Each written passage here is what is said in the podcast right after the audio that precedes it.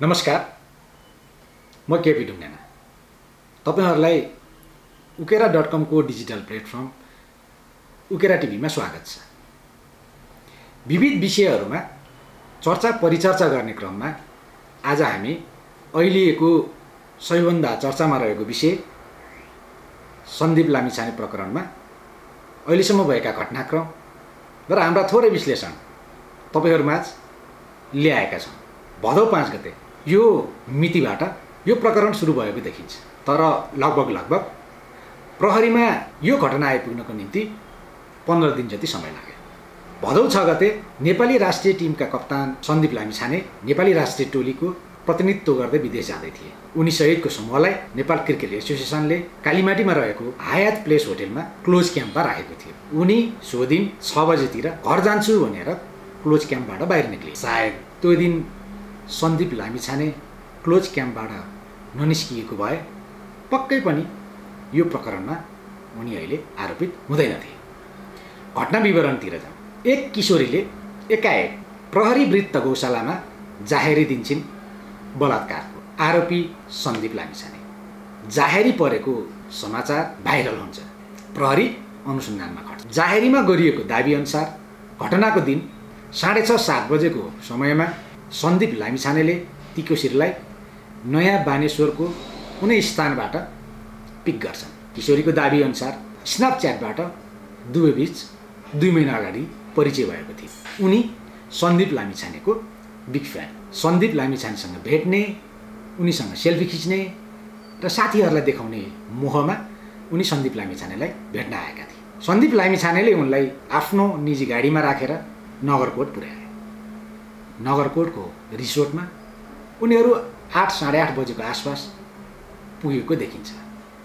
सन्दीप लामिछाने रिसोर्टमै बस्न तयार थिए। तर किशोरी तयार भएनन् उनीहरू त्यहाँबाट फर्किँदा एघार क्रस भइसकेको थियो। किशोरीको दाबीअनुसार एघार बजेपछि उनी बस्ने होटेलको कोठा बन्द हुन्थ्यो। किशोरी होस्टेल जान नसकेपछि सन्दीपले उनलाई होटेलमा बस्ने प्रस्ताव गर्छन्। दुईवटा कोठा लिएर छुट्टा छुट्टै बस्ने शर्तमा किशोरीले सन्दीपको प्रस्ताव स्वीकार गर्छन् र सन्दीप ती किशोरीलाई लिएर सिनामङ्गलमा रहेको एक होटेलमा जान्छन्। पहिला अर्कै रुम लिएका सन्दीप र ती किशोरी दोस्रो रुम खाली नभएको भन्दै कोठा नम्बर तिन सय पाँचमा जान्छन्। कोठा नम्बर तिन सय पाँच प्रहरीले सार्वजनिक गरेको कोठा नम्बर हो। किशोरीका अनुसार होटेलमा पुगिसकेपछि सन्दीपले मदिरा मगाउँछन् खान्छन्। किशोरी खाटमा सुत्छिन् सन्दीप सोफामा सुत्छन्। तर एकाएक साढे बाह्र बजेतिरको आसपासमा सन्दीपले उनलाई जबरजस्ती बलात्कार गर्छन्। बिहान छ बजे सन्दीपले उनलाई आफ्नै गाडीमा राखेर होस्टेल पुऱ्याउँछ छ बजे सन्दीप नेपाली राष्ट्रिय टिमको क्रिकेट टिम सँगसँगै विदेश जान्छन्। अहिले सन्दीप विदेशमै छन्। नेपाल फर्किएका छैन एकाएक भदौ उन्नाइस गते प्रहरीमा जाहेरी पर्छ। जाहेरीमा भएका विवरणहरू लगभग यिनै हुन्। तर यो बिचमा प्रहरीले अनुसन्धान गरेर जाहेरीमा गरिएको दाबीहरू हो या होइन भन्ने केही तथ्य र प्रमाणहरू भने सङ्कलन गरिसकेको छ। काठमाडौँ परिसरका प्रहरी अधिकारीहरूसँग मैले गरेका कुराकानीका आधारमा काठमाडौँ परिसरका प्रहरी अधिकृतले दिएको जानकारी अनुसार जाहेरीमा गरिएको दावी अनुसार किशोरीलाई सन्दीपले फोन गरेको देखिन्छ।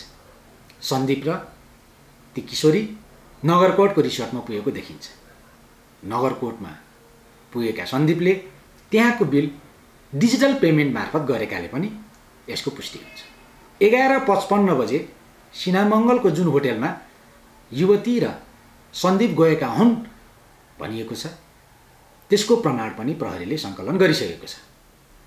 कोठा नम्बर तिन सय पाँचमा सन्दीप बसेको विषयमा होटेलको लगबुकमा रेकर्ड छैन।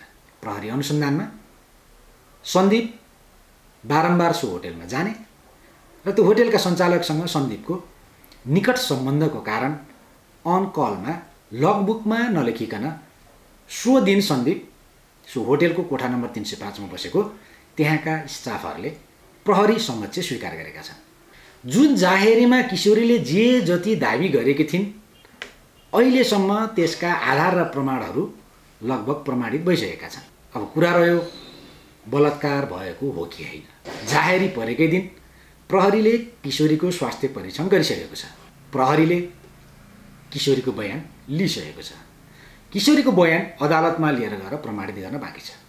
संयोग कलाकार पल शाहमाथि जुन नाबालिग बलात्कारको आरोप लागेको अभियोग लागेको थियो र जुन अभियोगमा उनी कारागारमा छन् जुन दिन सन्दीप लामिछाने विरुद्ध बलात्कारको जाहेरी पर्यो त्यही दिन दुईवटा अदालतमध्ये नवलपुर अदालतले पल शाहलाई बलात्कारको अभियोगबाट सफाइ त दियो तर बाल यौन दुरुपयोगको विषयमा उनलाई साढे दुई वर्ष कैद सजाय तोकेको थियो।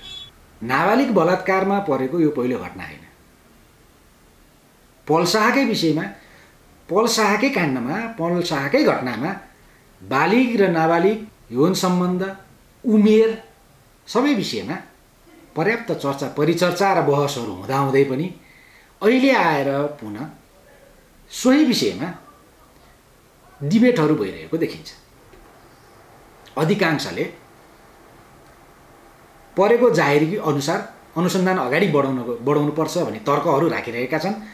केहीले जाने बेलामा सँगै जाने र अहिले आएर बलात्कारको आरोप लगाउने भन्ने तरिकाले घटनाको गलत विश्लेषण गरिरहेको पनि देखिन्छ।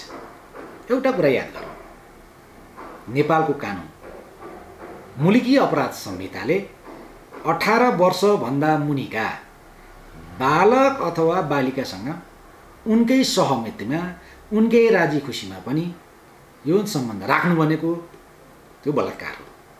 जसरी पल्साको केसमा पीडित सोह्र वर्षभन्दा कम उमेर उमेरको देखिएको थियो त्यसै गरी सन्दीप लामी छानेको केसमा पनि पीडितको उमेर सत्र वर्ष देखिएको छ। उनको उमेर सत्र वर्ष हो या होइन। त्यो त प्रहरीले अनुसन्धानको क्रममा पक्कै पनि प्रमाणित गर्ने रहेछ तर यस्तो गम्भीर विषयमा पनि हामी उल्टो पीडितलाई आरोपित गर्दै होस्याल हुने वातावरण निर्माण नगरौँ। तपाईँहरूलाई यो आग्रह सँगसँगै आजको यो चर्चा परिचर्चाबाट म बिदा चाहन्छु। हाम्रो वेब पोर्टल हो उकेरा डट कम। स्पेलिङ याद गर्नुहोस् युकेइआरए डट कम। हाम्रो डिजिटल प्लेटफर्म ए उकेरा टिभी हो। तपाईँहरूलाई हाम्रो सामग्रीहरू कस्ता लाग्छन् प्रतिक्रिया दिनुभयो भने हामी पक्कै पनि सुधार गर्नेछौँ। हाम्रो प्रयासलाई साथ दिनुहोला सक्नुहुन्छ भने सब्सक्राइब गरिदिनु होला नमस्कार।